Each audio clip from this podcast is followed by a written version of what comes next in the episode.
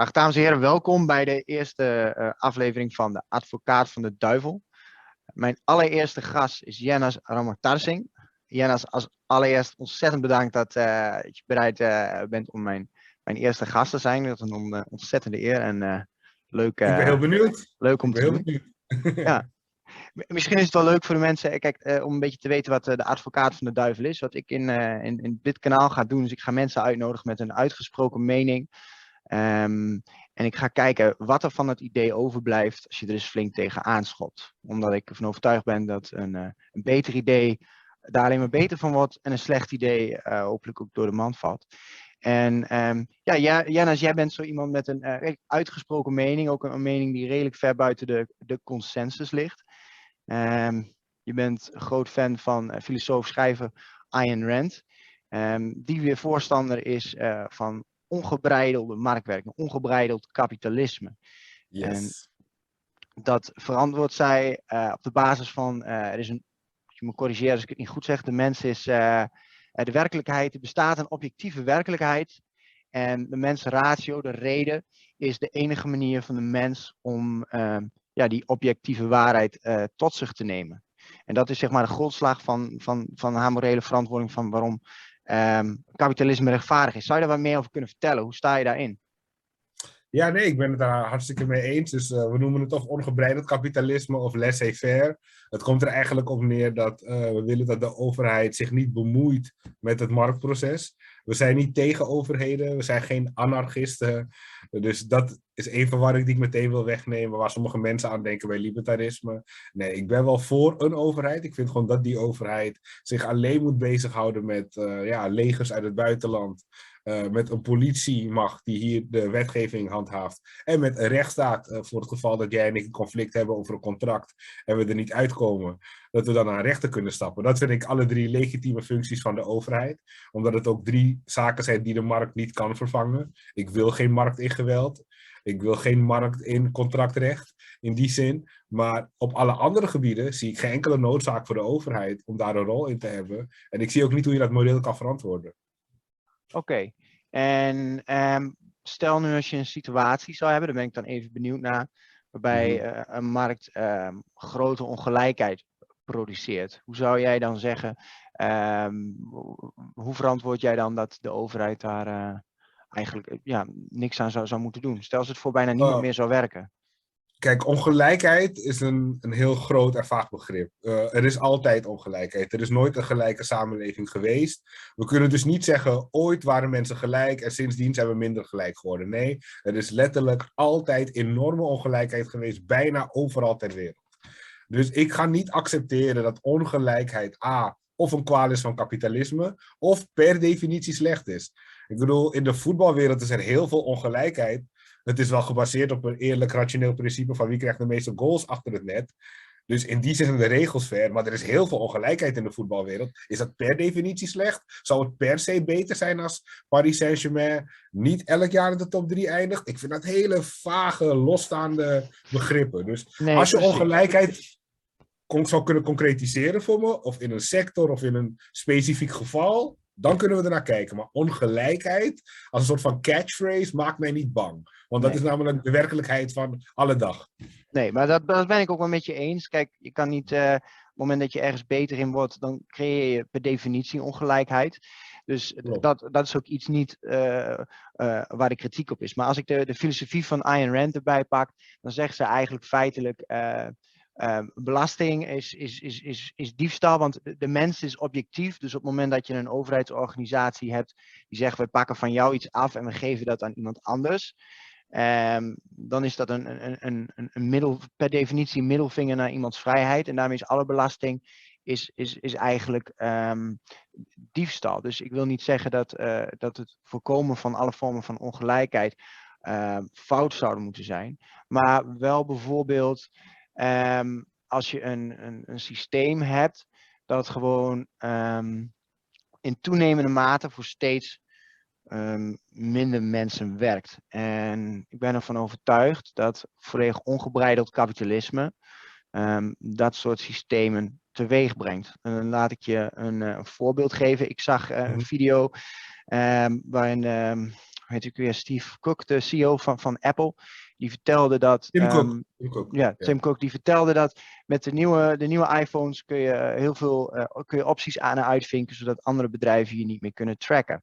Dus je dan niet Mhm. meer eh, privacy, ehm, zodat, zodat je je privacy weer waarborgt. En ik, en, ik, en ik dacht gelijk van, goh, eigenlijk wat privacy, wat eigenlijk gezien werd als een, als een gewoon gemeen goed, wat op een gegeven moment, als je het helemaal overlaat aan de markt, komt het er eigenlijk op neer dat, je, ehm, dat de mensen met weinig geld, die in ieder geval vroeger nog konden rekenen op, op, op dat soort basisdingen, dat nu door de markt ook is afgepakt en dat ze het vervolgens weer terug moeten kopen. En dan zal natuurlijk een, een, een, een randpersoon zeggen, kijk, eh, kapitalisme zorgt voor een probleem in privacy en kapitalisme lost het vervolgens weer op. Ehm, doordat je die optie kan maken. Ehm, maar die, die, die, hele, die, hele, die hele zaak van je hebt, eh, je hebt vrije keuze in een, in, een, een vrij systeem, is in mijn idee soms een beetje een, een, een pseudo-keuze. Want het is niet dat je alle keuzes van de wereld hebt. De keuzes die jij hebt, die zijn een zeer beperkt aantal vooropgezette keuzes. In dit geval ehm 300 euro meer aftikken voor een iPhone. Of zonder dat je het eigenlijk door hebt, je hele privacy te koop geven. Dus dat is voor mij e- enigszins een voorbeeld waarin niet eh, die vrije maakwerking niet leidt tot, ehm, tot meer, ehm, meer, meer, meer, meer, meer welzijn, meer welvaart, maar juist tot toegenomen ongelijkheid. Hoe zou je daarop reageren? tricky, omdat eh, het ding met privacy is, is dat privacy is niet echt een recht. Het is meer een afgeleide van eigendomsrecht. Dus ehm, bijvoorbeeld, uh, ik heb bepaalde gegevens over mijzelf, medische gegevens. Die zijn mijn eigendom, zo gezegd. Ik kan er natuurlijk voor kiezen om dat te delen met een ziekenhuis of een zorgverzekeraar. Misschien in ruil voor korting op mijn premie, of misschien geven ze wat geld om mee te doen aan een onderzoek. Dus in principe, in die zin is privacy niet een recht als eigendomsrecht, maar het is meer een afgeleide van eigendomsrecht. Dus in die zin is het niet raar dat bijvoorbeeld bedrijven bepaalde data van ons willen hebben en daar iets tegenover stellen. Dus bijvoorbeeld, als jij een Facebook-account neemt, dan, maken we, dan gebruiken wij jouw data, maar in ruil daarvoor geven we jou een systeem waarmee je met een paar miljard mensen ter wereld kan communiceren. Vrij simpel. Dus in die zin ben ik daar niet principieel op tegen. Uh, en ook daarin zullen bedrijven weer gaan differentiëren. Het ene bedrijf wil minder van je data, het andere bedrijf wil meer van je data. Het ene bedrijf geeft je meer korting, het andere biedt je misschien minder kortingen, maar minder informatie. Dus het is altijd een afweging die jij zelf zou moeten maken. Niet een overheid voor je moet dicteren, dat zeker. Maar het idee dat mensen hun data strategisch kunnen verkopen of niet, is niet per se tegen Ja, mijn principes in. ik, ik zou zeggen dat je hem nu eigenlijk een beetje andersom insteekt. Want het gaat niet om strategisch verkopen van je data. Het, het gaat er eigenlijk om dat zonder dat jij het door hebt, ik noem maar wat, een, uh, kijk, geen pubermeisje denkt op haar 15 op het moment dat zij een Instagram-account aanmaakt. Weet je wat ik ga doen? Ik ga uh, me inschrijven op een groot tech-platform. En dan ga ik mezelf continu vergelijken met uh, andere mensen die altijd het beste van hunzelf opdoen. En dan ga ik lekker een soort van minderwaardigheidscomplex mezelf aanpraten. Terwijl ik tegelijkertijd uh, mijn privacy te koop zet. En dat komen we dus op dat punt van objectivisme. Waarbij als je een objectieve waarheid hebt. Dan um, om objectivist te kunnen zijn, moet je wel vaststellen dat je als mens die objectieve waarheid kan vatten in zijn, in zijn geheel. En dat denk ik dus niet. En dat zet de deur dus open naar manipulatie. Um, wat in dus zo'n geval gewoon gebeurt. Uh, in het geval van een big tech platform ben jij niet de, de, de afnemer, jij bent het, jij bent het, uh, jij bent het, je, ben, je, bent het, je bent het product. En de adverteerder, dat is, die, is, die is de klant. Zonder dat, jij dat, zonder dat jij dat goed weet. En dan kun je zeggen, ja, alle, alle tieners moeten dat weten. Maar dit gebeurt ook niet alleen in, in, in die sector. Dus het, het hele idee van uh, eigen keuze loopt een beetje tegen de grenzen aan van um, dat dit soort um, rare trade-offs die je in een, in een goed functionerende maatschappij zou moeten maken, niet meer bij te houden zijn. Waardoor de standaard maar is of continu overal een VPN aanzetten, um, jezelf afzonderen van de rest van de sociale wereld, uh, uh, media en heel veel producten niet meer eten, omdat er zonder dat jij het weet ongezonde dingen in zitten. Het wordt een soort van ja, tegen de rivier inzwemmen en, en dat is niet zozeer vrije keuze. Dat is Nee, meer kijk. een opgelegde keuze. Een soort keuze tussen twee kwaden. Snap je wat ik daarmee bedoel? Ja, ik snap wat je bedoelt. Alleen, dit is meer mijn punt. uh, jij kan een hele andere positie hebben dan de meeste mensen als het gaat om Facebook. Jij kan bijvoorbeeld vinden dat Facebook de boel misleidt. En jij kan het geen goede trade-off vinden om privacy op te geven voor die algoritmes. Maar als bijna iedereen of een grote meerderheid van de mensheid met jou oneens is, dan begrijp ik je punt. Dan zit je inderdaad in een soort van keuze. Doe ik nu mee en geef ik iets op wat ik eigenlijk niet wilde opgeven, zodat ik mee kan doen? Of doe ik niet mee en geef ik dat ding niet op, maar mis ik de hele Facebook-ervaring? En ik kan niet anders zeggen dan, dat is botterpech voor jou. En misschien voor mij, omdat ik het misschien met je eens ben. Maar als je inderdaad in een, in een kleine minderheid bent in een land. En al die andere mensen doen dat wel. Ja, dan snap ik dat je in een wat lastige situatie komt. Waar je misschien moet kiezen tussen twee dingen die je liever allebei had gehouden. En je privacy en de Facebook-ervaring. Maar dat is nu niet zo. Wat wel interessant is aan de markt, is dat de markt vaak binnen een paar jaar reageert. Dus wat zie je? Is dat je Google en toen kreeg je bijvoorbeeld je kreeg toen uh, DuckDuckGo. Om als een voorbeeld te zien. Dus wat zou je nu zien? Nadat die Facebook, uh, dat schandaal groot werd van, oh, ze gebruiken al je data. Opeens zie je dat allerlei bedrijven dan hun databeleid bekend gaan maken. Oh nee, wij gaan andere data van je nemen. Wij gaan minder data van je nemen. Wil je dat ze minder data van je nemen? Dan gaan we dit doen. Dus wat, wat er wel gebeurt in de markt, is dat één grote marktspeler komt met zo'n beleid. Facebook, boom. En vervolgens zie je wel hoe er in de markt verschillende initiatieven ontstaan. Alleen als maar 10% van de mensen DuckDuckGo uh, gebruikt in plaats van Google. Ja, dan gaan we inderdaad in een wereld leven waar je heel vaak voor deze iets wat vervelende keuze wordt gesteld. Dat als je aan de ervaring mee wilt doen, je wel iets gaat moeten opgeven wat je liever niet had opgegeven. Maar je bent helaas in de minderheid. Uh, en ja, mensen die in minderheden leven, zullen ook in een vrije markt soms niet helemaal blij zijn met de uitkomst. Je wordt nog steeds niet gedwongen iets te doen. Je weet gewoon dat je dan of niet mee kan doen met Facebook. En dat wil je misschien om heel veel andere logische redenen wel. Maar dus jij reduceert, ik, ik, snap, je, ik snap je punt. Maar je, je, zover ik het zie, reduceer jij het uh, tot een. Um, iedereen heeft alle informatie. Je maakt een heel erg objectieve keuze je hebt een bepaald aantal keuzes dat je op een, op een, uh, op een dag kan maken. Dat gaat bewust en, en, en onbewust. En um, sommige dingen zijn niet. Kijk, dat hele. Dat, uh, een vrije markt functioneren. Als je, als, je, als je kijkt wat Adam Smith zei, die zei van nou, alle informatie moet beschikbaar zijn. Iedereen moet weten wat de gevolgen daarvan zijn. En dat was misschien vroeger zo, dat je, dat je hier een boerderijtje had die redelijk zelfvoorzienend was, en daar een boerderijtje die redelijk zelfvoorzienend was, en je ruilt af en toe een kilo aardappelen tegen een kilo rijst, en je hoeft als Hollander niet de hele week aardappelen te eten. Dat is, dat is allemaal super helder.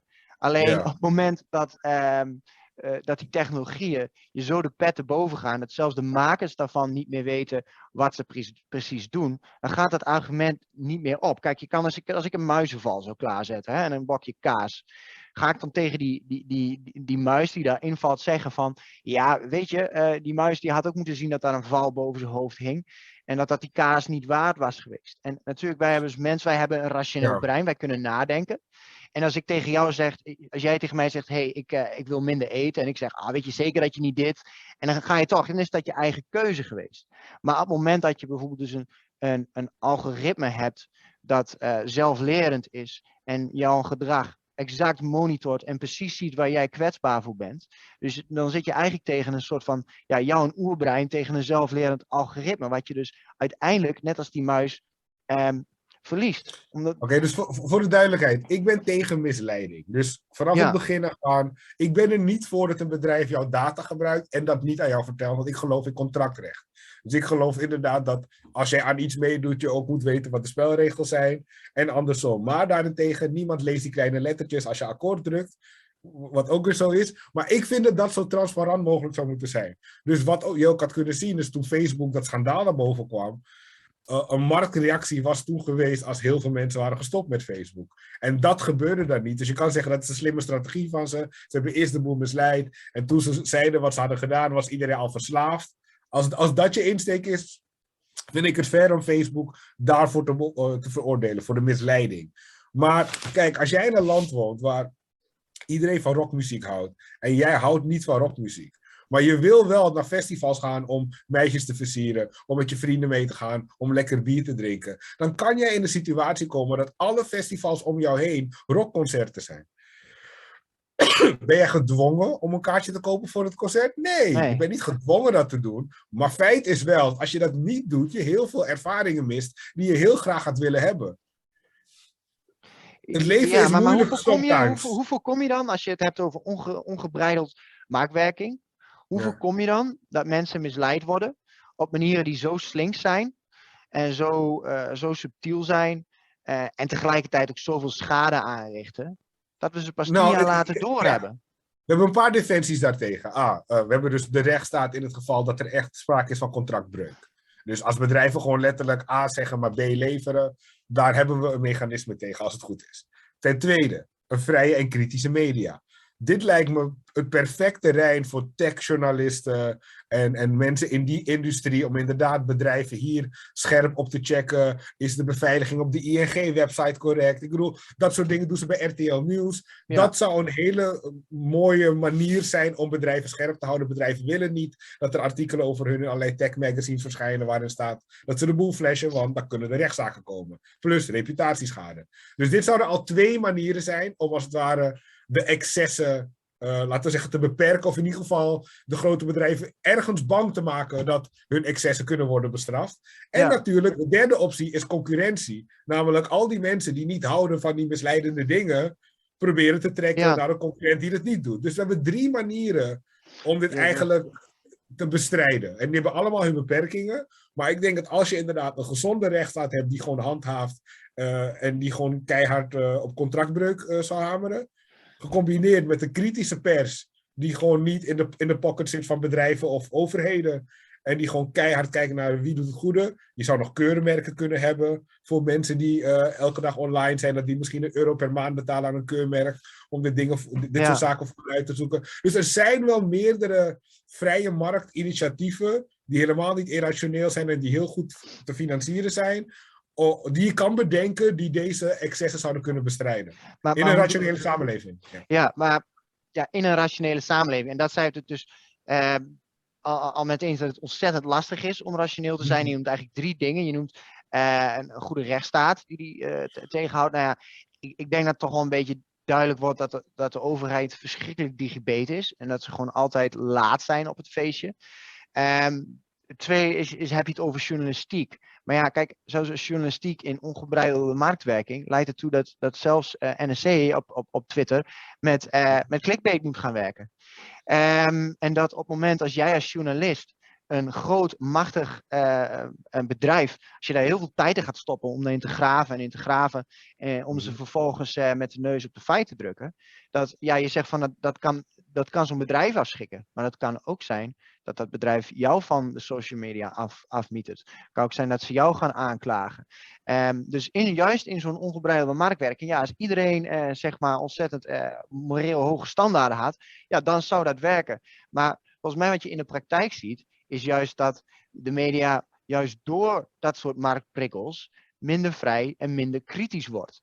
En, um, en, en, en, dat het dat eigenlijk um, die, die controlerende functie eh, juist gaat. Want ik ben helemaal niet tegen iemand die met een goed idee on, ontzettend rijk wordt. Het probleem mm. ontstaat wanneer je uh, zoveel met een, een, goed product of wat dan ook, zoveel geld verdient, dat je daarmee uh, nog meer dingen aan je hand kan zetten. Want, want Ayn Rand zegt, uh, iedereen moet vrij zijn om zijn eigen egoïstische, zijn eigen belang na te streven, zonder daarbij uh, dat van een ander um, te overschrijden. Maar dat is mijn inziens een soort van enorme illusie, want je, je veronderstelt in de eerste plaats dat mensen weten waar die grens ligt.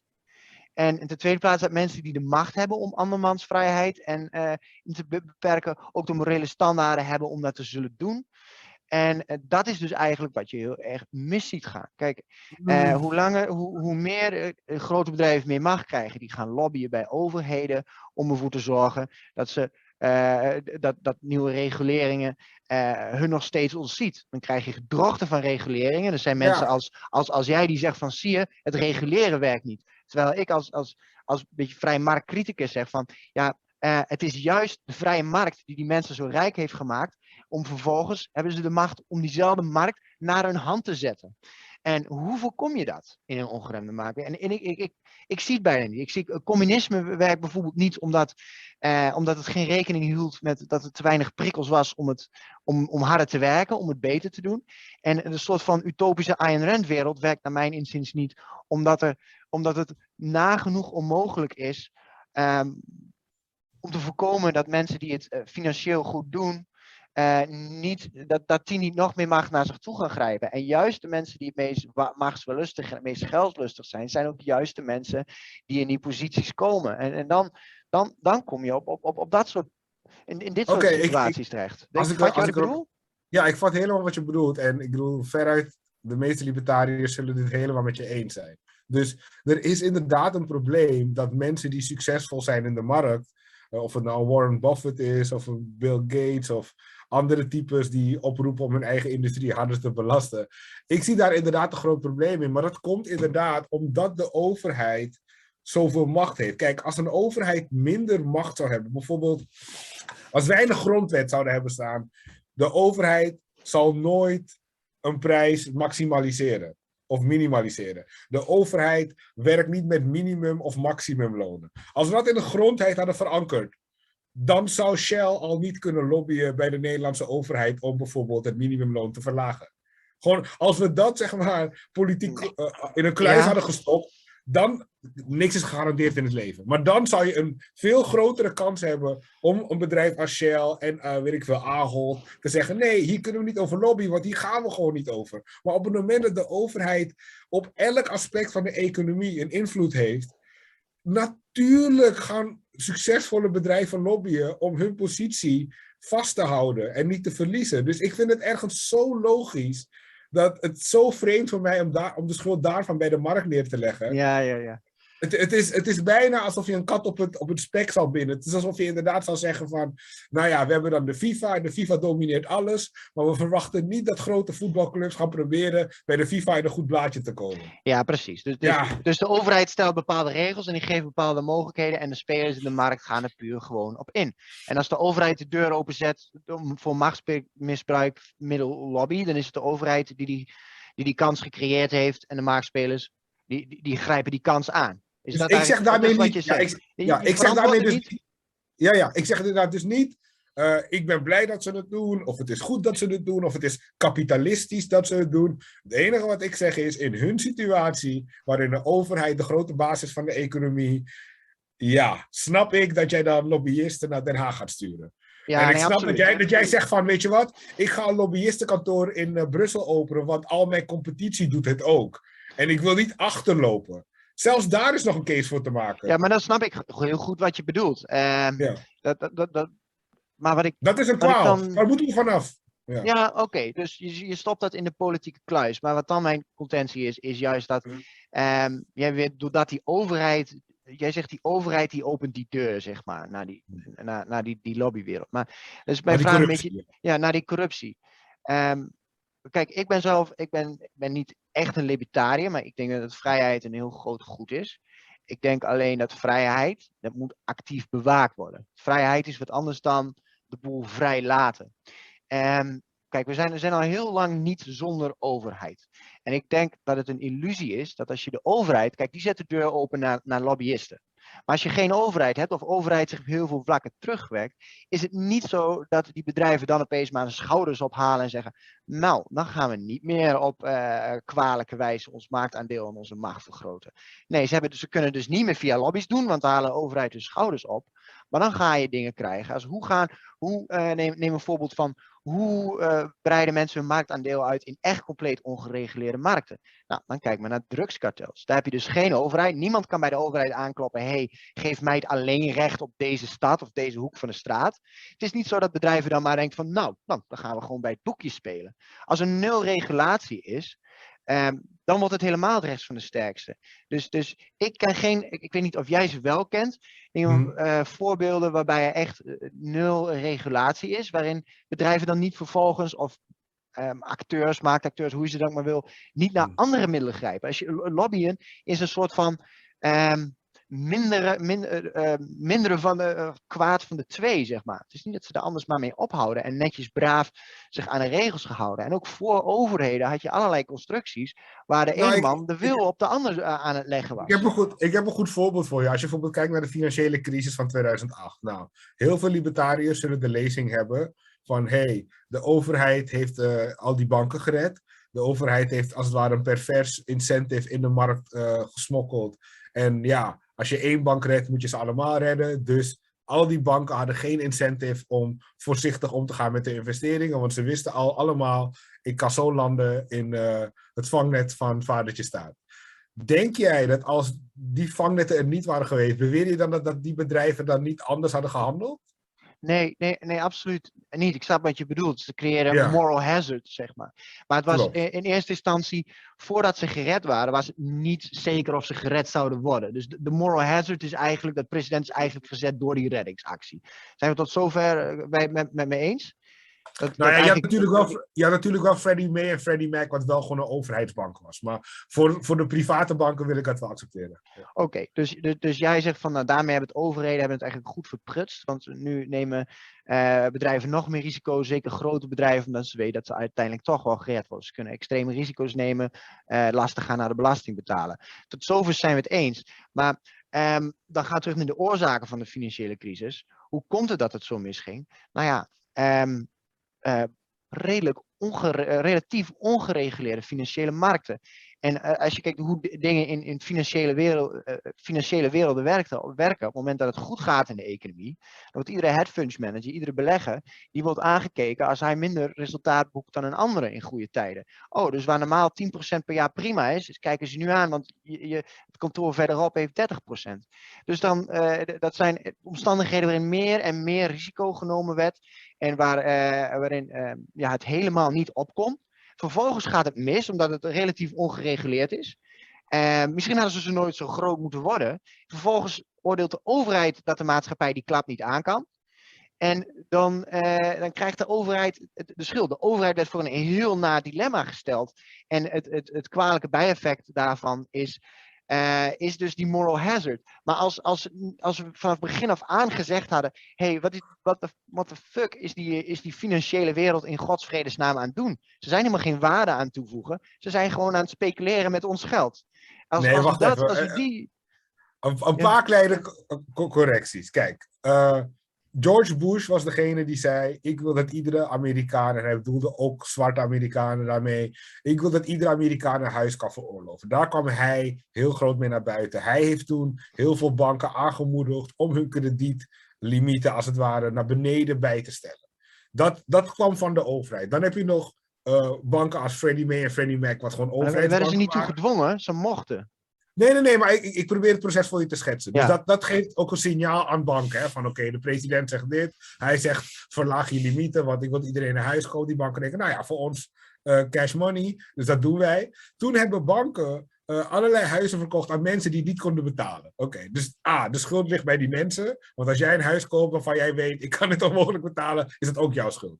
A, de banken die als het ware meegingen in die flow van de government en niet dachten, wij verzetten ons hier tegen, want we zijn geen gekke Henkie. Dus er zijn al twee uh, manieren hoe het mis is gegaan. Ten derde, er is niks mis met een crisis die iets blootlegt in een maatschappij. Als in een crisis kan ons ook heel veel leren. Dus ik noem maar wat. Misschien was het een hele goede les geweest voor heel veel Amerikanen als we deze crisis hadden laten uh, exploderen. Als, als misschien... zijn, werk, zijn werk hadden laten. Ja, als bijvoorbeeld inderdaad JP Morgan was, was, was uh, helemaal in elkaar was gezakt. Als misschien een paar miljoen mensen hun baan waren kwijtgeraakt. Misschien was er dan in Amerika een soort landelijke discussie geweest van... Hé hey jongens, achteraf gezien, die belachelijke huizencontracten. Die mensen die bij de supermarkt werkten een huis van twee ton geven.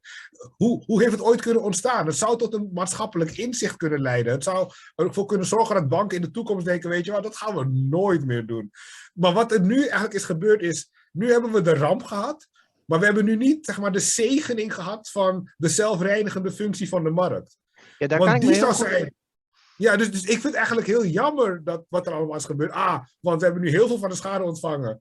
We hebben nu de overheid die heel veel dingen heeft over moeten nemen en waar we allemaal garant voor moeten staan, terwijl het echt privaat in, uh, risico was. En het, enige, het mooie van de markt is dat zeg maar, een crisis de hele markt slimmer kan maken. We hebben dat aspect bijna helemaal verloren. Want we zijn nu gewoon in een veel gereguleerdere situatie, waarin banken nog meer uh, kunnen rekenen op redding. Dus ik vind het echt doodzonde als we het toen hadden laten crashen. Ja, het had voor een paar miljoen mensen taai kunnen zijn geweest. Zeker. Dat had een zware klap kunnen zijn voor flink wat mensen die geld hadden moeten lenen of weet ik veel. Maar we hadden wel als land of als wereld of als Westen een enorme les kunnen leren. En die zou ons in de toekomst weer ja, goed hebben gedaan, die kennis. En nu, doordat de overheid elke keer zich er tegenaan bemoeit, of het nou vooraf is, of achteraf, of halverwege, krijgen we nooit die zelfreinigende functie van de markt.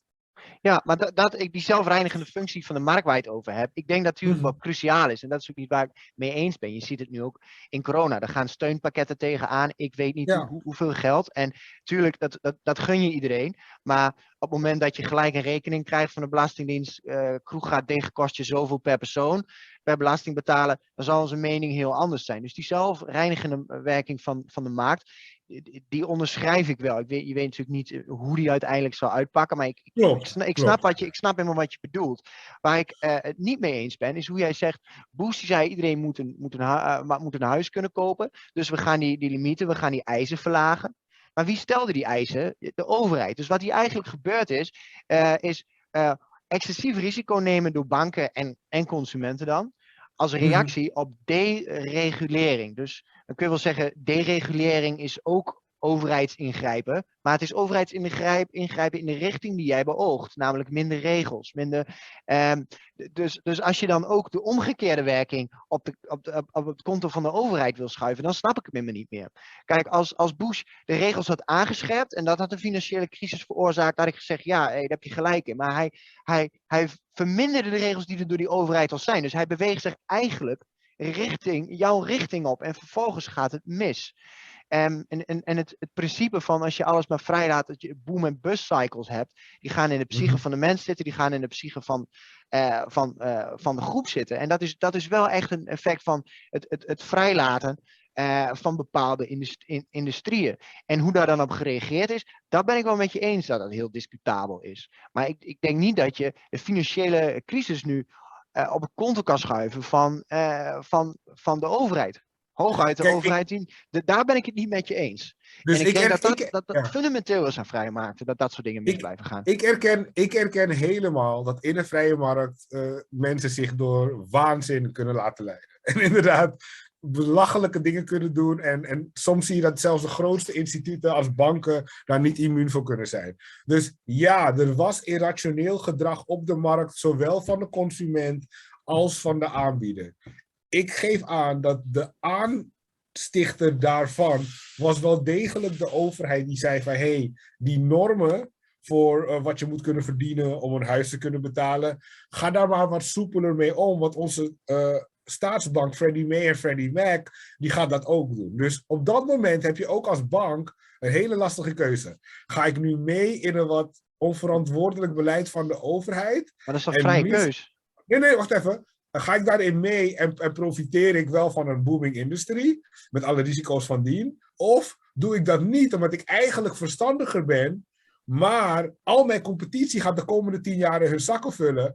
En, wat, en eigenlijk hadden ze gelijk, want wat gebeurde er? Uiteindelijk werden al die bedrijven gered. Dus je bent ook gekke Henkie als je niet meedoet. En dat is zeg maar die perverse incentive van de overheid die het doet. Als het gewoon inderdaad, als de overheid had gezegd, jongens, wij gaan vanaf vandaag geen criteria meer verbinden aan hypotheken. Het is gewoon puur contractrecht. Je mag niet misleiden, je mag mensen niet voor de gek houden, maar wij gaan als overheid jullie niks meer opleggen. En het was dan misgegaan en er waren geen overheidsbanken geweest die hetzelfde beleid hadden, dan had ik meer gevoeld van jouw kant. Maar ik vind nu dat het een hele gevaarlijke cocktail was van uh, we willen graag dat je dit doet en de overheidsbank doet het ook. En als je het niet doet, loop je een enorm risico. En als je het wel doet, loop je ook een enorm risico. Maar dan doe je tenminste wel wat de overheid je heeft gezegd. Dus welke kant van de medaille ga je kiezen? Wil je aan de winnende kant zitten of aan de verliezende kant? En ik denk gewoon dat dat een heel perverse incentive was. En daarmee zeg ik niet dat de markt geen enkele schuld kent of dat uh, dit niet had kunnen gebeuren in een vrije markt. Ik denk gewoon dat het op een minder grote schaal was gebeurd in een volledig vrije markt. En dat we dan inderdaad die lessen eruit hadden kunnen trekken. En dat het dan een soort van ding was geweest van, wist je nog, toen die ene bank zo dom was om dat te doen? Dat zou zich wel een voorbeeld kunnen doen voor alle banken in de toekomst. Ja, dat, dat, dat, dat, dat snap ik helemaal inderdaad. Ik, wat ik nogmaals waar ik niet mee eens ben, is, is, de overheid beweegt in jouw richting, namelijk deregulering. En dat veroorzaakt die perverse prikkel. Dus het is in mijn inziens wel een verschijnsel van een relatief vrije markt. Dat is waar, ja, maar als die, beetje... Maar als die overheidsbank niet een rol had gespeeld, ehm, ik denk dat dat een enorme rol heeft gespeeld. Dat er ook overheidsbanken, als het ware, dat beleid hebben aangegrepen, waardoor het speelveld, denk ik, voor de private banken ook vertroebeld werd van wat is nu wijsheid. En nogmaals, ze zouden moeten betalen voor die fout, als, als ze gewoon een foute kant zaten ervan. Maar ja, nu, hetzelfde zag je in Nederland toch? Op een gegeven moment werd één bank uh, uh, gered. En toen was het zo van, we willen dat alle banken onze steun accepteren, anders is het oneerlijk. Ja. Ja, dat is natuurlijk heel krom. En toen kreeg DSB het niet. Misschien voor goede argumenten. Maar ook daar kan je weer heel veel tegenin brengen. Van ja, misschien dat DSB dacht. Wij krijgen toch dezelfde hulp als de rest. Dus ja, eigenlijk kan je het niet goed doen. Je komt in een soort van tombola terecht. Waar je alleen maar foute keuzes hebt. En ja, ik wil eigenlijk dat we nooit in die situatie terechtkomen. Zeg maar. Oké. Nou, duidelijk. Dan, dan uh, gaan we verder naar uh, het volgende punt. Um, Jij zegt ook van ja, het kapitalisme is het enige ja, moreel uh, rechtvaardig systeem. En is gebaseerd op uh, ja, zoveel mogelijk uh, interacties gebaseerd op, op, op vrije wil. zou je dat een beetje kunnen, kunnen toelichten, Janas? Ja, dus het mooie van kapitalisme is dat ze iedereen in principe vrij laten als het gaat om met wie wil je associëren, met wie wil je contracten afsluiten. Het enige wat eigenlijk telt is dat, jij, dat jouw lichaam van jou is en dat de vruchten van jouw arbeid van jou zijn. Gaat goed mis nu dan. Uh. ja, nee, absoluut. dus, maar dus, eh, dat vind ik zo, zo mooi en, recht, rechtvaardiger van, dat het ook heel helder is. En dat het voor iedereen hetzelfde werkt. Of je veel hebt, of je weinig hebt. Je hebt in principe dezelfde eigendomsrechten. Uh, dat vind ik zo, ik vind dat heel mooi en, en, en, en rechtvaardig aan, omdat het eigenlijk gewoon de menselijke aard erkent. En zegt, wil jij als mens kunnen functioneren op aarde, dan moet jouw lichaam van jou zijn. Als jouw lichaam niet van jou is, kan je niet functioneren op aarde. Je kan niet als slaaf de volle menselijke ervaring krijgen. Daar zullen we waarschijnlijk allebei over eens zijn. Dus eh, je lichaam moet van jou zijn. En de volgende stap is dan, maar hoe zit het met de dingen die je maakt met je lichaam? Zouden die ook van jou moeten zijn? En daar zeggen hen, ja, uiteraard. Natuurlijk zouden die van jou moeten zijn. Net zoals jouw lichaam van jou is, is wat je maakt ook van jou. Behalve als je dat vrijwillig opgeeft. Ja. En eigenlijk, als je dat neemt als basis van je maatschappelijke systeem, dat is kapitalisme eigenlijk. Eigendomsrecht, contractrecht. Alles is van jou, de vruchten van je arbeid zijn van jou. En voor het verhandelen van die vruchten van de arbeid, dat moet je doen op vrijwillige basis en iedereen moet daarmee instemmen. Ja, nee, dat is heb, je dus over, heb, je het, heb je het over rechten? Weet je, het zijn, zijn rechten waar denk ik, eigenlijk als je het uh, honderd mensen zou vragen op de straat bij je baas of je eigen lichaam, uh, heb je, mag je de vruchten plukken van je eigen arbeid? Dan krijg je gewoon waarschijnlijk eh, honderd keer ja, ja.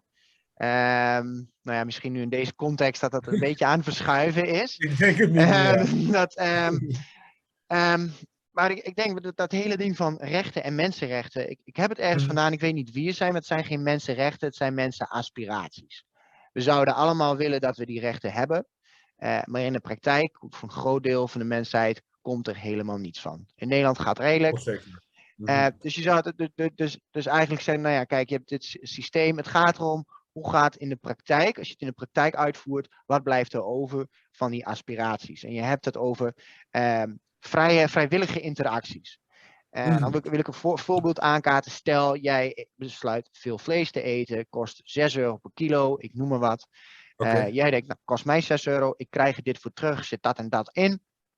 Um, vrije, vrije keus. Dat bedrijf dat produceert het, die, die, die, die voert de kip uh, en dergelijke. Um, maar in een, in, een, in, een, in een volledig ongebreidelde markt zijn ook externaliteiten. Dus dingen die niet in de prijs zitten, die jij misschien niet ziet, die ook invloed hebben. Dan kun je zeggen, ja, maar die, die zijn voor mij niet zo relevant. Maar nu dit voorbeeld. Je eet dus veel vlees. Om, mhm. dat, om, om het vee te voeren worden er, worden beste hoeveelheden tropisch regenwoud tegen de vlakte aangegooid om daar soja te verbouwen. Dus daar wonen soms mensen, inheemse bevolkingsstammen, en die worden, um, die, die worden van hun land gedreven. Um, vanwege uh, de effecten van een economisch spelletje waar zij eigenlijk niet zo heel veel mee van doen hebben, krijg jij helemaal niks van door. Dus, dus jij hebt de illusie van een, een, een interactie die gebaseerd is op, op, op vrijwillige deelname.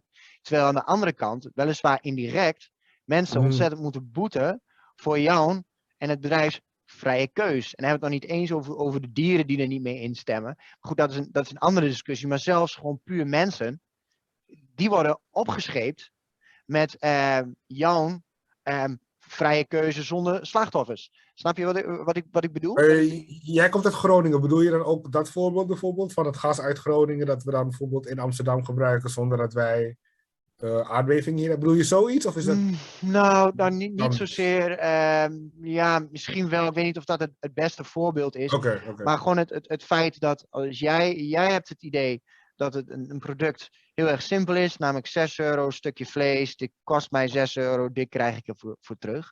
Maar jij ziet niet het hele plaatje. Uh, en andere mensen die eigenlijk niks met die interactie van doen willen hebben, zijn het slachtoffer van jouw zogenaamde um, um, vrijheid, blijheid keuze. Dat, dat, dat, dat is gewoon. Wat, wat, wat is de vraag? Ik snap, ik snap het nou, probleem. Nou ja, kijk, jij, jij, zegt, jij zegt dat uh, in een volledig ongeremde maakwerking dat dat een systeem is waarbij uh, er zoveel mogelijk op basis van vrije wil gehandeld wordt. En uh, dat iedereen dus daardoor zelf de keuze in heeft. En daarom is het zo moreel rechtvaardig.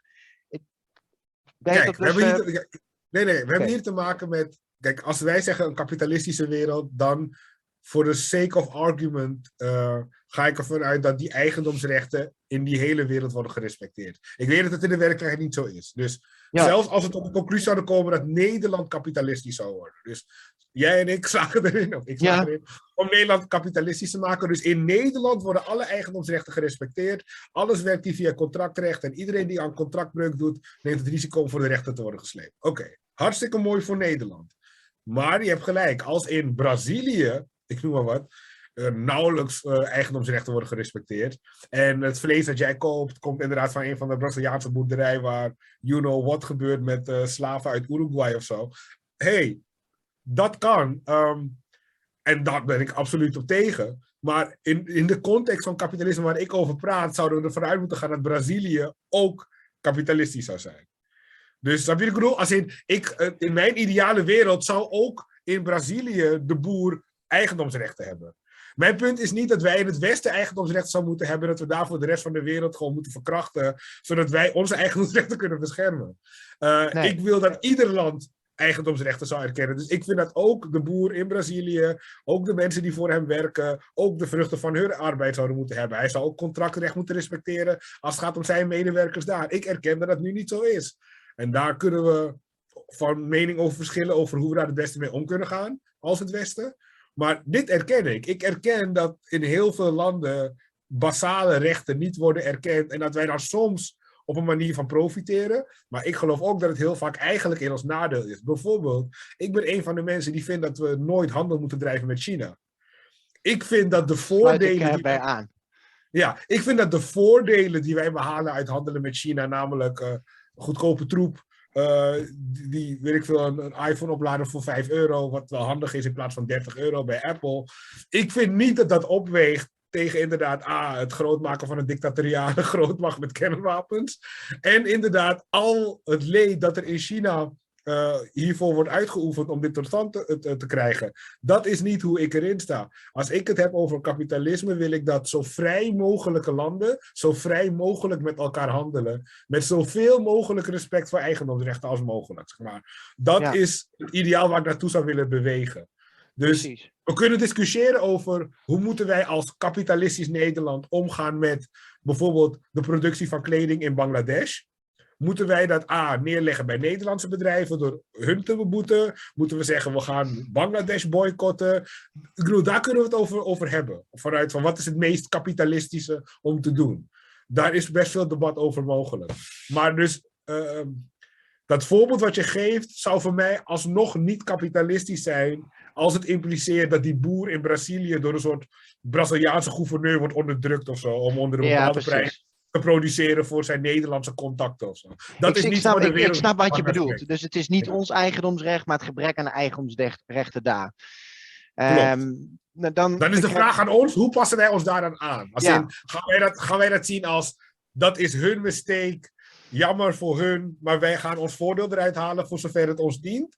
Of gaan wij een soort van actieve positie innemen van nee, wij zijn pro-capitalist en dat betekent dat we ook anti-capitalist gaan boycotten? Waar ik natuurlijk wat meer voor zou voelen. Ja, precies. Dus dan zie jij Brazilië in dit geval als een anticapitalistisch land, omdat ze eigendomsrechten uh, van inheemse mensen niet goed waarborgen. Even... Dus stel je voor, ik zou Kamerlid zijn in Nederland.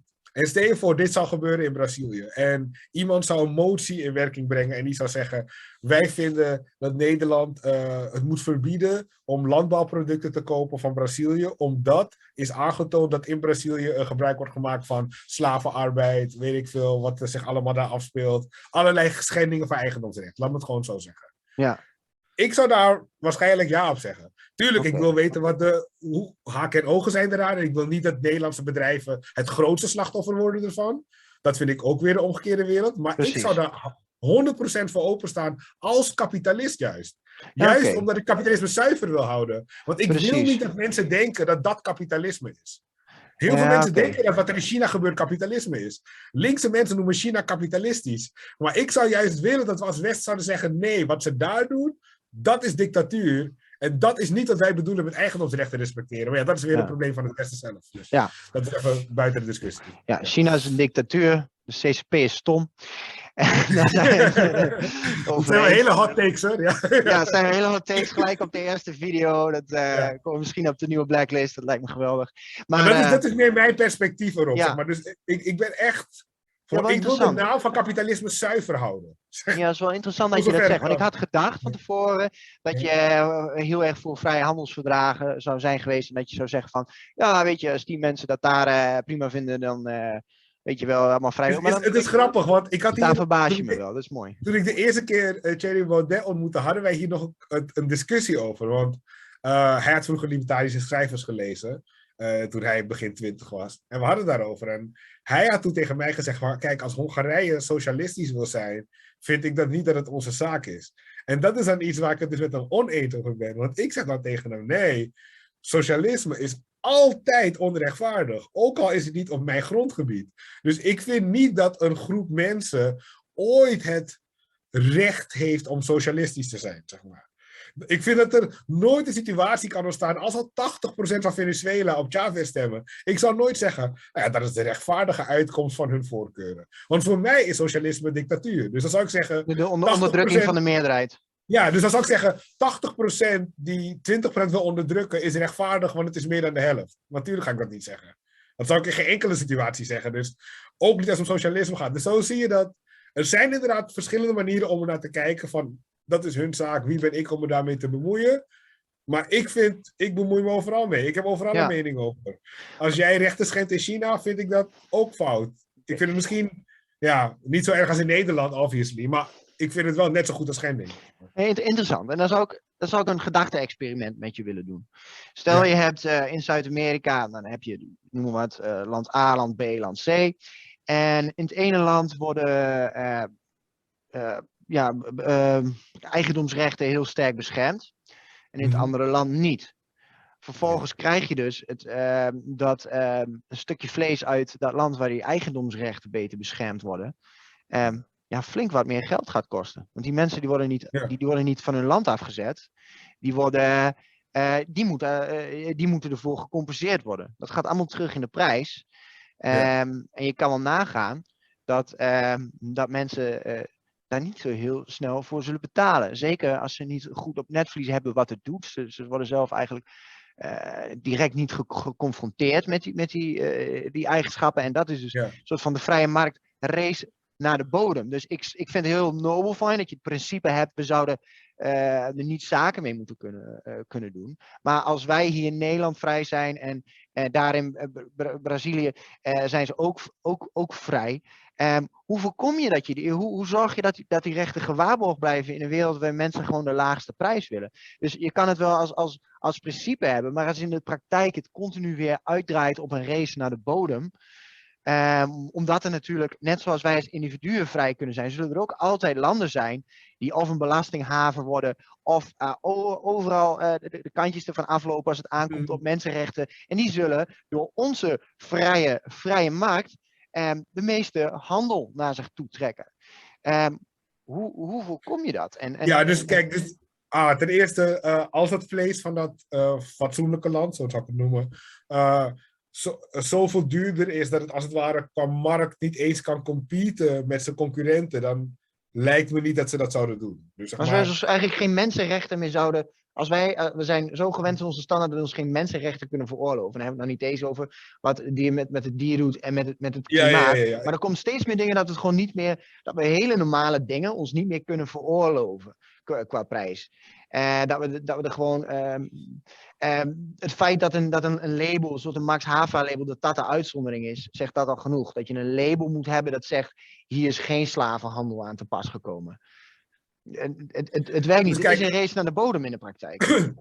Hoe, hoe, hoe, ik het zou zien is, ook in, in de sfeer van werelden en landen heb je zeg maar, promotie en reputatie. Dus zeg maar, dat land dat uh, rechten waarborgt, zal zichzelf ook naar de buitenwereld toe heel nice kunnen promoten. Zeker als hun buurland een soort van dystopische hel is, waar iedereen vanaf weet. Dus weet je, als, als inderdaad, ik noem maar wat, uh, Mongolië of zo, nu uh, heel hard in opkomst is, dan kunnen zij inderdaad een soort mooie sier maken van kijk hoe mooi onze producten worden uh, geproduceerd. Iedereen is blij, iedereen heeft een huis, iedereen krijgt een lekker salaris. We respecteren rechten hier in Mongolië. Dat is ook weer een, een, een, een appeal. Dat kan er ook voor zorgen dat je toerisme toeneemt. Dat misschien mensen naar Mongolië willen immigreren. Dat we misschien in Nederland denken van nou, die Mongolen hebben het wel aardig op orde. Misschien kunnen we met hun wel zaken doen. Want minder kans dat een of andere dictator daar langskomt. Want bij hun is het aardig in de grondwet verankerd dat iedereen individuele rechten heeft. Dus ik zeg, zij zouden een manier moeten vinden om als het ware hun positiviteit uh, te, branden in de wereldmarkt. En proberen, zeker als ze zich afzetten tegen hun buurland, om te zeggen van kijk, je kan al dat bloedvlees kopen daar. Met allemaal uh, dode mensen waar je voor verantwoordelijk. Maar ons vlees is en lekkerder en zeg maar moreel gemaakt. Natuurlijk kunnen mensen alsnog de foute keuze maken. Dit is zeker mogelijk en het zou kunnen dat het, dat het uh, dystopische land alsnog meer vlees verkoopt, omdat heel veel andere arme landen gewoon scheid hebben en inderdaad niet kunnen veroorloven om te denken aan moraliteit en gewoon dat, dat verschrikkelijke Chinese vlees kopen. Dat zou nog steeds kunnen. Maar um, wat ik eerder denk is dat als dit land zo duur vlees produceert, dat ze misschien niet vlees zouden kiezen als hun exportproduct.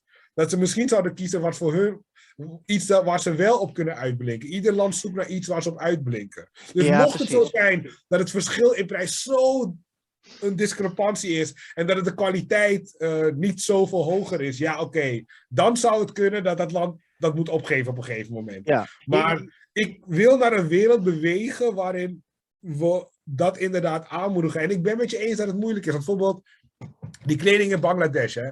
Uh, Veel libertariërs hebben een, maken een case dat uh, die sweatshops die we zien, dat die eigenlijk goed zijn. Dat wil zeggen dat die een beter alternatief zijn dan al het andere. Ja, precies. Dus ik, vind, ik heb het moeilijk met het argument. Ik snap helemaal waar het vandaan komt. En ik, snap, denk ik snap het ook. Maar, ja. Ik denk dat ze eigenlijk gelijk hebben. Dus dan is de vraag voor ons als Nederland. Oké, hmm, wat is beter? Is het beter dat we deze sweatshop landen. Maar als, als, ik, als, als ik je even mag, mag onderbreken, hè, want je, je zei van, weet je, um, als een land um, het wel moreel produceert, is dat een, zeg maar, een soort van unique selling point. Dus zouden ze daarmee gewoon meer, uh, uh, meer zaken tot zich moeten trekken. En, en als het gewoon te zo duur is voor ze om te maken, zouden ze het behoud niet moeten maken. Uh, maar ja, in het voorbeeld van vlees is het, is, het, is het zo goed als niet moreel te maken. Um, en, en, en, en als je de kosten ervan zou verwerken, zou het heel erg duur zijn. Maar je zegt van, weet je, in theorie, in theorie klinkt het heel mooi dat de, eh, de business gaat naar de, de landen uh, die het allemaal, allemaal zo goed doen. En uh, dat, uh, dat we naar, uit dystopische landen de boel gaan halen, dat dat een uitzondering is. Maar China is de fabriekshal van de wereld. Dat is, dat is mm. gewoon een feit. Volkswagen heeft, heeft, heeft Oeigoeren, Oeigoerenslaven in dienst. Um, de praktijk, in, in, in, in theorie snap ik heel wat je wil, wat je bedoelt, maar in de praktijk is China de fabriekshal uh, van de wereld, wordt daar steenkool erdoor gepompt als een malle. En, en, en, en, en, en blijken mensen gewoon niet die keuze te maken. En dan kom je weer terug bij, dat, bij dat stukje objectiviteit. Mensen die hebben die volledige informatie niet, hebben de uh, mentale ruimte niet om over al die dingen voldoende fucks te geven. Het resultaat is dat uh, het naar de laagste bieden gaat in de praktijk. Dus ik snap je punt, maar in de praktijk denk ik gewoon niet dat er dat van terecht is gekomen. Oké, okay, maar, maar, maar uh, als je kijkt naar China is inderdaad de fabriekshaal, maar dat is wel het resultaat van concrete keuzes die leiders in het Westen en nu businessleiders in het Westen vandaag de dag elke dag maken. Dus uh, toen Nixon besloot de poorten met China te openen, zat daar een ideologisch idee achter. Wat Rand altijd benadrukt is de power of ideas.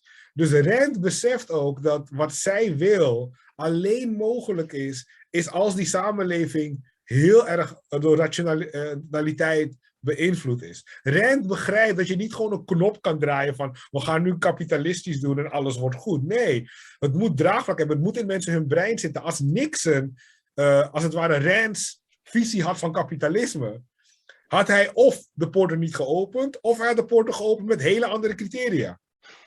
Dus uiteindelijk is het wel een ideologische keuze geweest die we toen hebben gemaakt, die ons heeft gebracht dat we hier waren. En als toen mensen betere ideeën hadden gehad over eigendomsrecht, over kapitalisme, dan hadden we dat beter aangepakt. We hadden ze of toen geboycott of toen tegen ze gezegd, luister, de markt gaat alleen maar zo ver open als het jullie eigendomsrechten beginnen te respecteren. Ja, maar, maar nou, nou, hadden we nou, ook kunnen zeggen.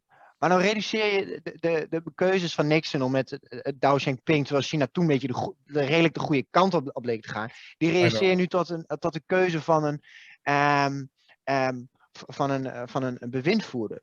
Terwijl je ook zou kunnen zeggen, de mens heeft nu eenmaal, laat nu eenmaal duidelijk zien dat het een, een, een behoefte heeft aan het goedkoopste product en is niet in staat, um, of ziet het gewoon niet, niet per se de schuld van de mens, om, om de negatieve lange termijn effecten op waarde te schatten. Daar zijn we gewoon, daar zijn we gewoon bijna niet toe in staat. Er komt bij dat een, deel van ons uh, ja, consumentistische denken juist ook heel sterk gevoed wordt door die ongebreidelde kapitalisme, waarbij het dus niet alleen gaat om het innoveren van je product, maar waarbij het dus ook gaat van hoe praat ik die klant aan dat ze een probleem hebben en dat, ik dat wij de oplossing hebben voor dat probleem. Uh, dat, dat, dat stapelt zich op in, in, een, in een maatschappij waarbij mensen graag het goedkoopste product willen. Um, en vervolgens een politici die daar dan maar ook gehoor aan geeft. Als wij mogen allemaal stoppen met uh, prutteltjes kopen van Alibaba, dan durft Mark mhm. Rutte opeens te zeggen: hé hey, China, dikke vinger, we hebben jullie niet meer nodig.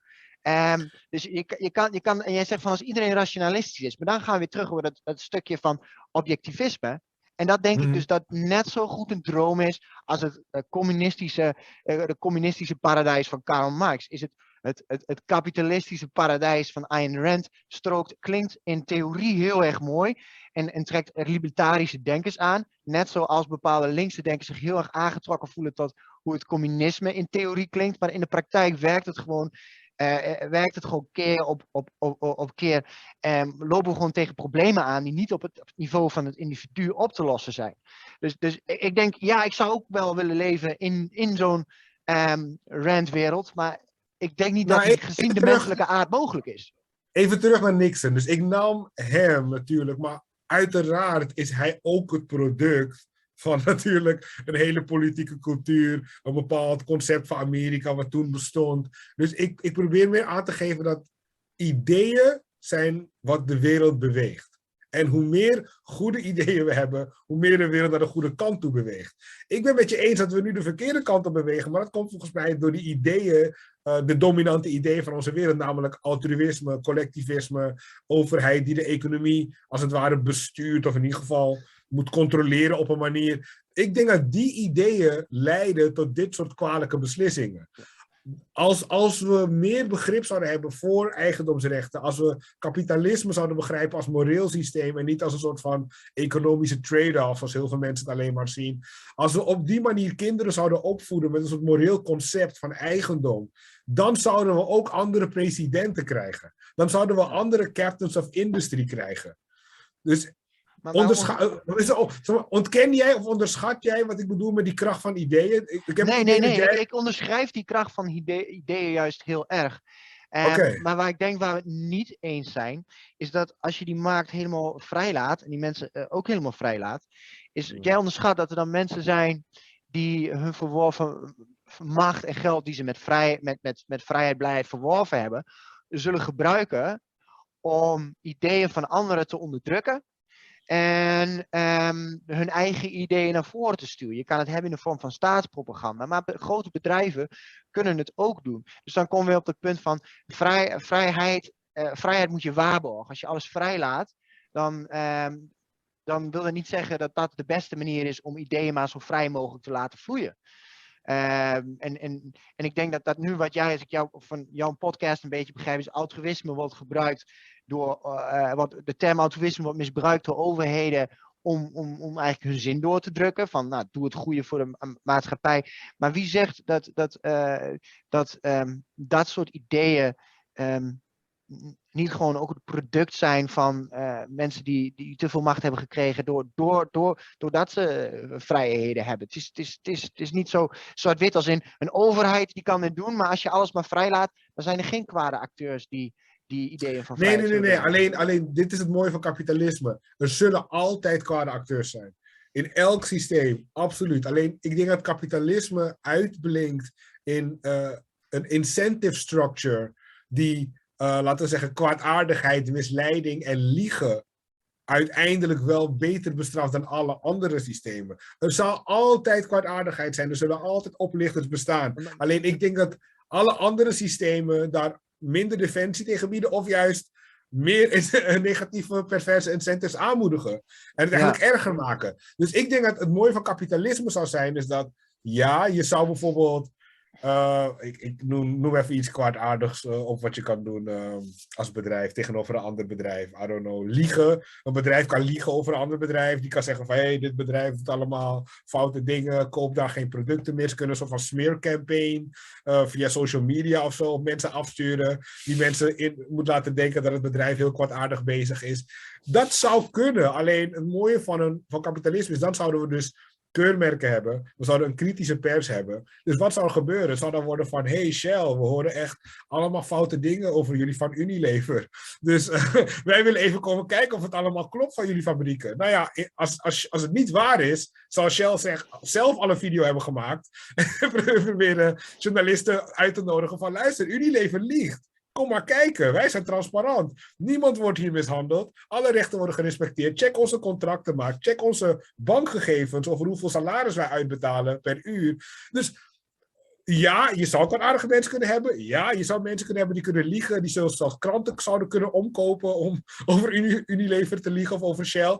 Maar er zouden ook heel veel middelen zijn voor zo'n bedrijf om terug te slaan. Om bijvoorbeeld aan te kunnen tonen dat het niet zo is. En nu is dat heel wat anders. Maar jij zegt ze kunnen misleiden, maar kapitalisme is het, uh, is het systeem dat dat juist het beste aanpakt. Ik denk, um, wat, wat je zegt, kapitalisme die pakt slechte leugens aan. Je hebt ook okay. uh, leugens die, uh, hoe beter, die, die niet ontdekt worden. En dan ga ik toch weer terug op dat, dat, dat big tech. Dat, die algoritmes ja. zijn zo moeilijk dat politici het niet vatten. De mensen die ze geschreven hebben, vatten het niet. Uh, je kan ook nadelen hebben die zich pas over tien jaar later manifesteren. Uh, dat, mm, dan denk ja. ik bijvoorbeeld aan, aan, aan klimaatdingen. Um, en, um, dat, dus dus ik, ik, denk, ik denk dat een, de vrije markt alleen corrigeert in het aanpakken van de perceptie. En wat zie je vervolgens? Bedrijven uh, die eigenlijk gewoon met hele normale dingen bezig waren, die gaan het nu opeens schone schijn ophouden. Ze gaan allemaal wat vinden van, van, van de topic of the day. Dan is het BLM, dan is het dit, dan is het dat. En het wil niet zeggen dat, dat die dingen geen goede zaken zijn. Maar je hebt eigenlijk dus een bedrijf dat eigenlijk gewoon colaflesjes eruit moet poepen aan de lopende band. Dat, dat, is, dat is hun bestaansrecht. Dat opeens mm. politieke meningen gaat hebben waarvan je eigenlijk al weet van ja, die meningen hebben ze gewoon omdat, omdat ja, meer of meer de markt ze dwingt om die, die standpunten te hebben. En, en, en vervolgens um, kan, een, kan een bedrijf aan de ene kant allemaal kijken ons is social justice zijn, terwijl ze aan de andere kant slavenarbeid hebben. Dus het is niet dat de ja. leugen en de misleiding wordt aangepakt. Nee, alleen waar de perceptie is van fout gedrag. Dat wordt door de, okay, door de markt gecorrigeerd. Maar nu, maar nu komt, nu komt mijn punt.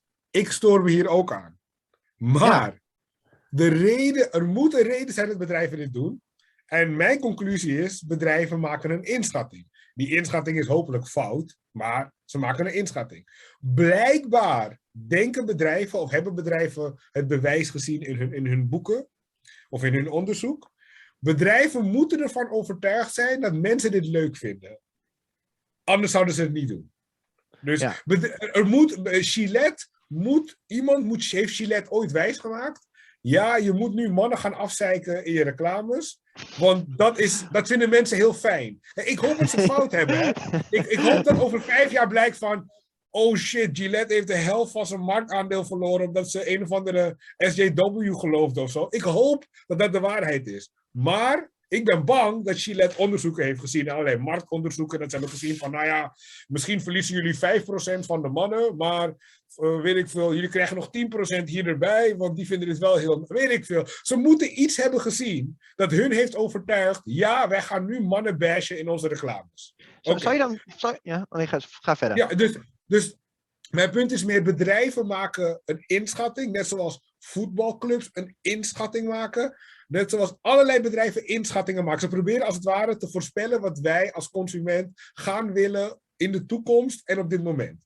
En dat is natuurlijk een spel wat heel nauw luistert. Nou, nu hoop ik dat, weet je, go woke, go broke. Kijk naar Hollywood.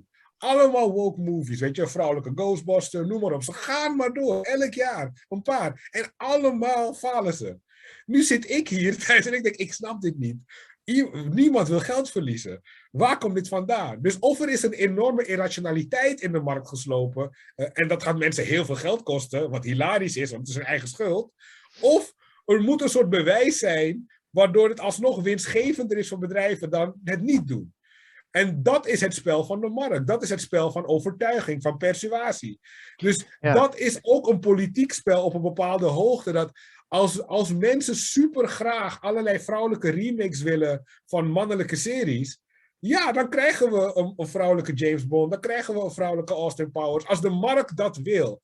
Als bedrijven dat goed hebben en dat goed inschatten, verdienen ze er honderden miljoenen mee. Als bedrijven dit verkeerd inschatten en afgaan op verkeerde data, of totaal niet kunnen aanvoelen hoe een moet gaan omslaan in de samenleving, kunnen ze hier honderden miljoenen aan verliezen. Ja, maar, dus maar dat ben ik ook wel met je eens. Weet je, als iedereen zin heeft aan een vrouwelijke James Bond, nou ja, ik ben, eh, ik ben sowieso helemaal geen James Bond fan, dus doe maar met die film wat ze willen. Maar ja, ik bedoel, daar is niks mis mee. Maar niet, niet soms van die, van die rechtse mensen die zijn allemaal voor vrijheid, blijheid, en dan zodra iemand aan James Bond zit, dan gaan ze opeens stijgen alsof, uh, alsof er weet niet wat aan de hand is. Maar uh, mijn punt was meer dat uh, er niet de, de echte misleiding wordt aangepakt, aangepakt door de markt, maar meer de perceptie van waar misleid wordt, wordt, wordt aangepakt door de markt. Um, en zou je dan bijvoorbeeld, als, je, als je snapt wat ik bedoel, weet je, ja, ja. je kan wel kinderarbeid hier hebben, maar goh, je doet de regenboogvlag op het juiste moment en mensen denken dat je een tof bedrijf bent. Um, zou je, zou je bijvoorbeeld niet, um, zou je voorstander zijn, gewoon, gewoon een nieuwsgierigheid voor bijvoorbeeld een regulering die zegt, uh, bedrijven in bepaalde sectoren uh, mogen geen politieke uitspraken doen. Je maakt flesjes cola en als je het niet eens bent met het regime daar, dan stop je daar met flesjes cola. Want eigenlijk, je bent aan, je bent aan het reguleren, je bent eigenlijk vrijheid van die bedrijven aan het afpakken, ja. tegelijkertijd bij die bedrijven aan het ontzien. Want als Coca-Cola het niet meer kan doen, want Coca-Cola die, die begint niet bepaalde per se statements te maken omdat ze dat naast cola flesjes maken zo fijn vinden. Ze weten, Pepsi laat wat zien, uh, um, uh, Biermerk laat wat zien. Als wij niet achterblijven, dan krijgen wij ja, ja. onze, nee, dus, ik, ik, dus een stukje regulering die bedrijven juist, het is reguleren, impact van vrijheid, die bedrijven niet belast, maar ontziet. Zodat ze op hun nee, core dus business in kunnen gaan. Ik, ik zou heel graag hebben dat bedrijven die colaflesjes maken alleen colaflesjes maken. Maar wat jij voorstelt is gewoon een beperking van de vrijheid van meningsuiting. Dus ik zou op die grond het er niet mee eens uh, uh, zijn. Ten tweede zie je nu ook een flipside ontstaan. Dat wil zeggen, elk debat heeft ook een andere kant. Dus wat jij zegt, Heel veel bedrijven maken ook mooie scene met woke en transracial vlaggen, terwijl ze zelf gewoon allerlei, allerlei kwaadaardige dingen doen. Maar dat is iets wat mensen doorhebben. Ik bedoel, heb je het internet wel eens bekeken? Dit is een van de meest afgezeken dingen. Zeg maar, bedrijven of, of politieeenheden of overheden die zeg maar met symbolische vlaggengebruik proberen mensen uh, in te nemen dat wordt al redelijk doorzien. Misschien nog niet door iedereen, maar er zijn heel wat mensen die dit al doorhebben. Dus, dus, je, kan, dus je zou ook kunnen zeggen, uh, Coca-Cola en, en Pepsi. Vroeger moesten ze alleen kijken naar hoeveel kost een cola flesje en hoe graag willen mensen cola drinken. En dat is eigenlijk wat wij misschien allebei het liefst zien. Nu, omdat de wereld zo gepolitiseerd is geraakt dat bijna elke daad een politieke daad is geworden, moeten zij ook met politiek rekening houden. En dat kan ten koste gaan van hun, weet ik veel, de kwaliteit van hun cola of weet ik veel, andere dingen die ze anders zouden doen met, met, met hun geld of met hun, met hun marketing. Maar ook dit kan overgaan. Ja, dit kan. ook weer een omslagpunt hebben, dat er op een gegeven moment mensen zijn die zeggen, weet je wat, geef me gewoon cola. En misschien is het bedrijf dat al die jaren daar nooit zijn mond over deed, dan opeens heel populair. Ja. Dus het is inderdaad een, een, een, een, lastige keuze. Als bedrijf wil je niet helemaal achterlopen. Dus sommigen doen het misschien als een soort van uh, verzekering of zo. Van nou ja, ik verlies in ieder geval niet superveel als ik ongeveer hetzelfde zeg als al mijn concurrenten. Dat kan. Maar je, het, het, biedt ook weer ruimte voor een innovatief bedrijf om bijvoorbeeld te zeggen: wij vallen hier niet lastig met die bullshit. Wij geven je gewoon cola. Dus die, die, ik, ik, zie wat je bedoelt. Ja. Ja. ja, maar ik zie ja, ook die charme. En ik hoop dan dat inderdaad de goede kant, om het zo te zien, de rationele kant. Ik hoop dat die wint. Van, van de slechte kant, zeg maar. Ik hoop dat op een gegeven moment we, we iets meer normaliseren. En dat misschien politiek iets meer in zijn eigen hoek blijft. En dat we inderdaad minder Ben Jerry's hebben die Israël willen boycotten. En noem al die voorbeelden maar oh, op. dat vind ik nog wel weer heel, heel, heel, iets anders. Want dan zeggen van nou, wij gaan hier gewoon, we zijn het er niet mee eens, dus we gaan niet produceren daar. Of we gaan niet verkopen daar. Dat is heel wat anders. Terugtrekken uit de markt is heel wat anders dan een uh, schijnstatement uh, opgooien. Dus, dus die, oké, okay, dan ben ik wel met je eens. Ja, oké. nee, dat we die, dingen even gescheiden hebben. En, ja. um, en um, ik, ik denk misschien dat je ook, je zegt van, nou ja, weet je, als je zo'n regulering doet, ik, ik denk, ja. nou, jij zit er geen bedrijf mee dwars, je zit in principe ook geen, geen, geen, geen consument mee dwars. Um, dus het is een soort van zero-sum regulering. Maar ik snap je zegt, nou, dat is de vrijheid van meningsuiting vrijheid van meningsuiting beperken. Een ander voorbeeld. Stel je hebt nu um, bedrijven, maken reclame. Um, en daarbij doen ze, je kan natuurlijk een feit presenteren van nou ja, dit product, uh, deze telefoon heeft zoveel opslagruimte, zoveel batterijcapaciteit, ja. zo'n groot scherm, verkoopt geen drol. Uh, met andere woorden, um, je kan als, als bedrijf kun je innoveren op, uh, op, op, op product en op, op service en op toegevoegde waarde. Maar je kan ook een marktvoordeel creëren door manipulatie. En niet feitelijk reclame is het misschien een beetje een ex extreem standpunt, maar als je er goed over nadenkt, is het in feite is het op jouw gevoel inspelen om jouw uh, bepaalde uh, objectieve karakteristieken van het product in een ander daglicht te gaan zien. Stel je mhm. zou reclamecodes ontzettend sterk aanscherpen. Zoals ik zag een, een autoreclame van een meisje dat je helemaal zag opgroeien, ging helemaal met me meeleven, heel leven leefde ze. Vervolgens komt er zo'n auto, en, zo, die, die, die Volvo geloof ik, die remt net op het allerlaatste. Oh god, dan dankzij die, die auto is dat leven van dat, dat, dat, meisje. En je zit al helemaal, je zit echt bijna eenmaal in, in, in, in tranen bijna. En dus mijn tweede reactie is dan, pleur op met je commerciële, uh, met je commerciële belangen in mijn emoties te vroeten. Um, stel als je zoiets zou maken, als je die, die commissie zo zou aanscherpen, dat reclames veel feitelijker zouden moeten zijn. Dus niet meer uh, eerst iemand heel erg cool maken en dan dat, dat product. Wie zou daarop verliezen? Op zo'n dergelijke regulering? Want het is voor de hele uh, branche hetzelfde. Ik, ik, denk dat de creatieve sector heel veel zou verliezen hier. Nou, maar, nee, maar kijk, wat, nu zou je ja. kunnen zien, kijk, de creatieve sector, je bent creatief, je kan theater ingaan of wat dan ook. Verdien geen drol, maar je kan ook gewoon lekker creatief gaan doen voor een, uh, een commercieel bedrijf. Met andere woorden, creatieve talenten gaan worden gebruikt om, uh, om, om jouw spulletjes te doen laten kopen. Terwijl op het moment als je die reclamecommissie zo zou aanscherpen dat het allemaal veel feitelijker moet zijn. Eén, uh, bedrijven kunnen dus niet meer een voordeel creëren op basis van misleiden en inspelen op gevoelens. daar houden ze dus geld aan over. Waar kun je dan nog wel op innoveren? Eh, en een voordeel mee behalen. Kwaliteit van product, doen wat je zegt, uh, service. Uh, de creatieve mensen, die kunnen niet meer in, in die sector terecht.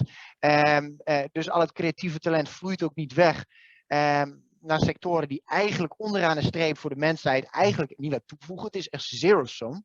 Ehm, de enige bedrijven die er stuk aan zullen gaan, dat zijn bedrijven die boven reden goed zijn in hun product verkopen ten opzichte van hun, uh, de kwaliteit van hun product.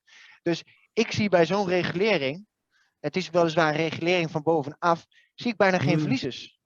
Um, en ik ben er niet voor zo'n, ik ben met je zei eerder van prijsplafonds en dergelijke. Nee, ik, ik, ik snap de kracht van de markt.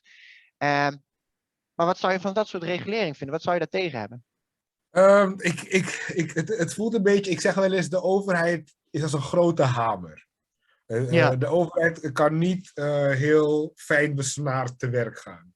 Dus wat je heel vaak hebt bij overheidsbeleid, zelfs als de intentie een soort van oké is, is dat je heel veel meer dood maakt dan je bedoelde dood te maken.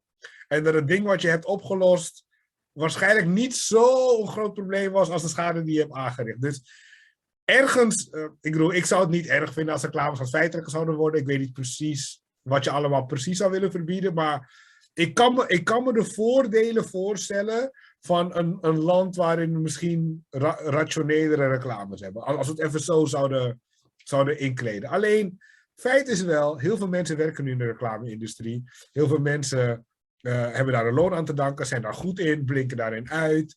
Mensen kijken graag naar reclames. Het is een leuke manier voor bedrijven om zichzelf als het ware te promoten ten opzichte van alle andere saaie manieren. Ik zeg niet dat het voor mij zo van moreel nee, okay, maar ik zeg niet dat we morgen alle reclame gewoon uh, witte papiertjes met daarop vijf dingen, maar gewoon langzaam, uh, langzaam feitelijker maken. Het voelt alsof je gewoon een, een, een relatief klein probleem echt met een soort van nucleaire bom wil, wil, wil uitroeien. Door te zeggen, alleen nog maar feitelijke reclames of zo. Het lijkt me gewoon ja, ik weet een dat heel dit lastige... een, een, een, extreem standpunt is. Uh, ik, ik, vraag me dus af in hoeverre dat een, een klein ding is. Maar je wordt vanaf jongs af aan, word je continu gebombardeerd met, uh, met reclameberichten. Met het idee van, uh, als, je als je dit niet hebt, gooi je erbij. Dan kun je wel denken dat je objectief en rationeel bent. Maar het is onvermijdelijk dat dat een enorme impact nalaat. Nu zitten we, hebben we hebben best wel een soort van consumenten-mindset in deze, in deze maatschappij. Dat is niet iets wat per definitie uh, de, standaard, uh, de standaardpositie is van de mens. In, in, in, de, in de middeleeuwen werd door religie juist heel erg schaarste en zuinigheid gepromoot. Uh, dus het is niet zo dat, dat, dat je die, die, effecten van reclame vanaf een jonge leeftijd moet onderschatten. Als we dan toch over, over de vrije markt hebben in Brazilië hmm. weer, daar heb je gewoon dat Ronald McDonald van de McDonald's, die gaat, naar, die gaat naar basisscholen toe om te vertellen hoe tof de McDonald's wel niet is. Um, dus, dus snap je wat ik bedoel? Dus dat is, dat is, dat is wat er... Oké, nee, maar ik, ik, noem, ik, noem een voor, ik noem een voorbeeld. Dus weet ik veel, dus als Axe reclame maakt met uh, weet ik veel, dat je die deodorant opspuit en allerlei meiden op straat naar je toe komen. Bedoel je dan... Zo, ik, zou, ik, zou dat niet, ik zou dat niet morgen willen verbieden. Maar ik zou een hele actieve, een actief, uh, actieve push willen inzetten uh, richting het steeds strenger maken van, uh, van, van het aanscherpen van die reclame. maar, wat, maar wat ik dan liever zou zien, ik zou dan liever zien, zeg maar, als het geluid wat jij nu vertolkt, als hier zeg maar draagvlak voor is, laat me het zo zeggen. Als gewoon meer mensen ditzelfde inzicht delen. Ze zijn niet tegen bedrijven, ze zijn niet tegen reclames, maar ze, gewoon, ze maken hetzelfde punt als jij maakt. Van oké, we willen dat ze feitelijk worden. Ik zou het veel interessanter vinden wat je zou kunnen bereiken als jij een soort van stichting hiervoor zou oprichten. En hiermee als het ware zou lobbyen. Niet per se bij overheden, maar misschien bij bedrijven zelf.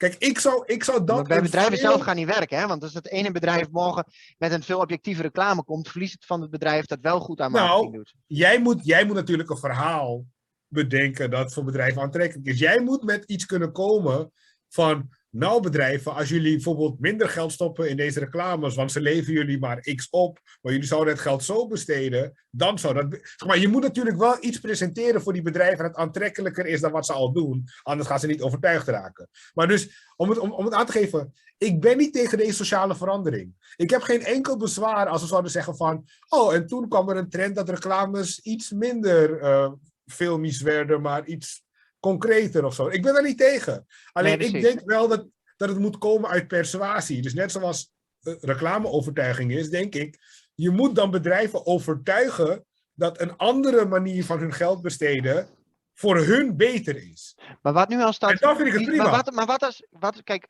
Ik wil ze wel van overtuigen, maar ik denk niet dat dat zo is. Ik denk dat het puur voor de bottom line van het bedrijf het beste is als je zo goed mogelijk de mensen eh, door middel van grote data eh, en, en, en, en inspelen op emoties ervoor zorgt dat mensen je product kopen.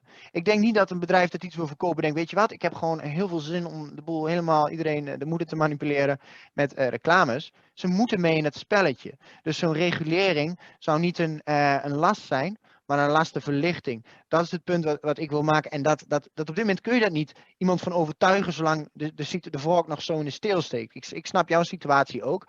Ik, ik, ik, denk, ik, denk alleen niet dat het, uh, um, dat het te doen is. Of het moet zo obvious worden dat je een soort van tegenreactie ja, dus krijgt. Jij, jij zou als het ware moeten zeggen van kijk, zoveel mensen zijn lid of weet ik veel van mijn organisatie. Dit is echt een enorme ergernis. We hebben in andere landen gezien dat op deze manier reclame maken dat je er niks aan We hebben al een reclamecommissie, hè? Dus, het, dus ik zou niet vanmorgen van A naar B willen doen, maar gewoon langzamerhand aanscherpen.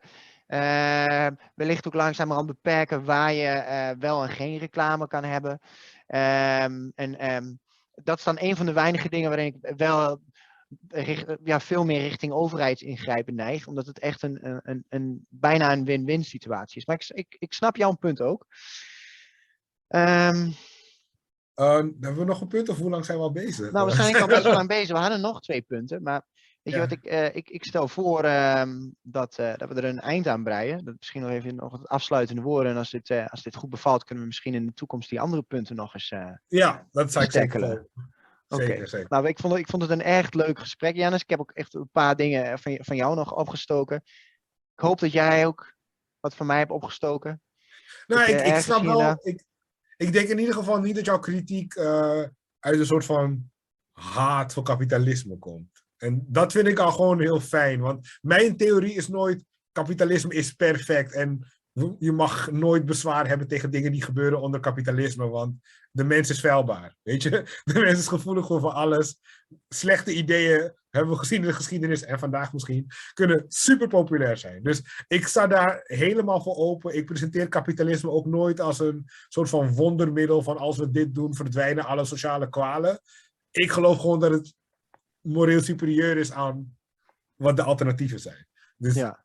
Maar ik, ik sta altijd open om te discussiëren over de, de haken en de ogen. En weet je, is er alternatieve manieren om naar te kijken? En hoe zou een markt dit aanpakken? Ik vind het altijd interessant om erover na te denken hoe een markt ergens op zou inspelen. En wat je zou moeten doen om spelers op die markt daarvan te overtuigen. Bijvoorbeeld, ik zou heel graag willen weten wat we moeten doen om bedrijven te overtuigen niet meer in China te investeren. Als ik dat zou weten, jongens, ja. zou ik dat echt vandaag doen. Maar wellicht, wellicht niet alles in de markt zoeken wellicht niet. Maar, ja, ja goed, nou, maar je hebt gelijk. Ik ben niet, ik ben niet ja. per se een markthater. Ik, ik ken de kracht van de markt. ik denk dat we die als we samenleving vooruit willen, dat we de kracht van de markt voor ons moeten gebruiken. Want als we dat niet op een slimme wijze doen, dan zullen landen zoals China dat beter doen dan wij. En, um, en, en, en, juist daarom is het ook zo belangrijk dat we ja, on top of our game zijn. En, en ik hoop dat mensen die dit kijken, dat ze hier ook door geïnspireerd raken. Dat ze misschien uh, hier en daar van mening veranderd zijn. En um, ja, echt nogmaals heel erg bedankt dat, uh, dat je mijn eerste gast uh, uh, wil, wou zijn. En wellicht tot in de toekomst weer. En yes. um, ja, volg allemaal Advocaat van de Duivel, waarin ik mensen zoals Jenna's het vuur aan de schenen legt. En, en bekijk ook als je wil Jenna's online en Vrijheidsdomein. Eén is mijn eigen kanaal, de ik met een vriend van me alles uh, wat gaat om kapitalisme, als je daarin geïnteresseerd bent, Ayn Rand en laten we zeggen gewoon ja, ongebreideld uh, vrije marktdenken. We zijn vrij uniek daarin, dus mocht je er interesse in hebben, kom even kijken. En je Helemaal kan me ook op social media vinden, Twitter, Instagram, Facebook, LinkedIn, noem maar op. De hele Helemaal eens. Ik ga, ik ga je socials ga ik in, uh, ga ik in de omschrijving zetten, dat mensen kunnen zien. Ik heb het zelf ook gezien. Ook als je niet zo'n vrije marktdenker bent, is het zeker interessant om even te kijken van wat zit daar nu achter, wat zit er onder ideeën, dat je ze niet gelijk uh, afwimpelt, maar, maar doe, uh, doe, doe een poging zou ik zeggen. Dus, uh, Onderzoek alles en behoud het goede.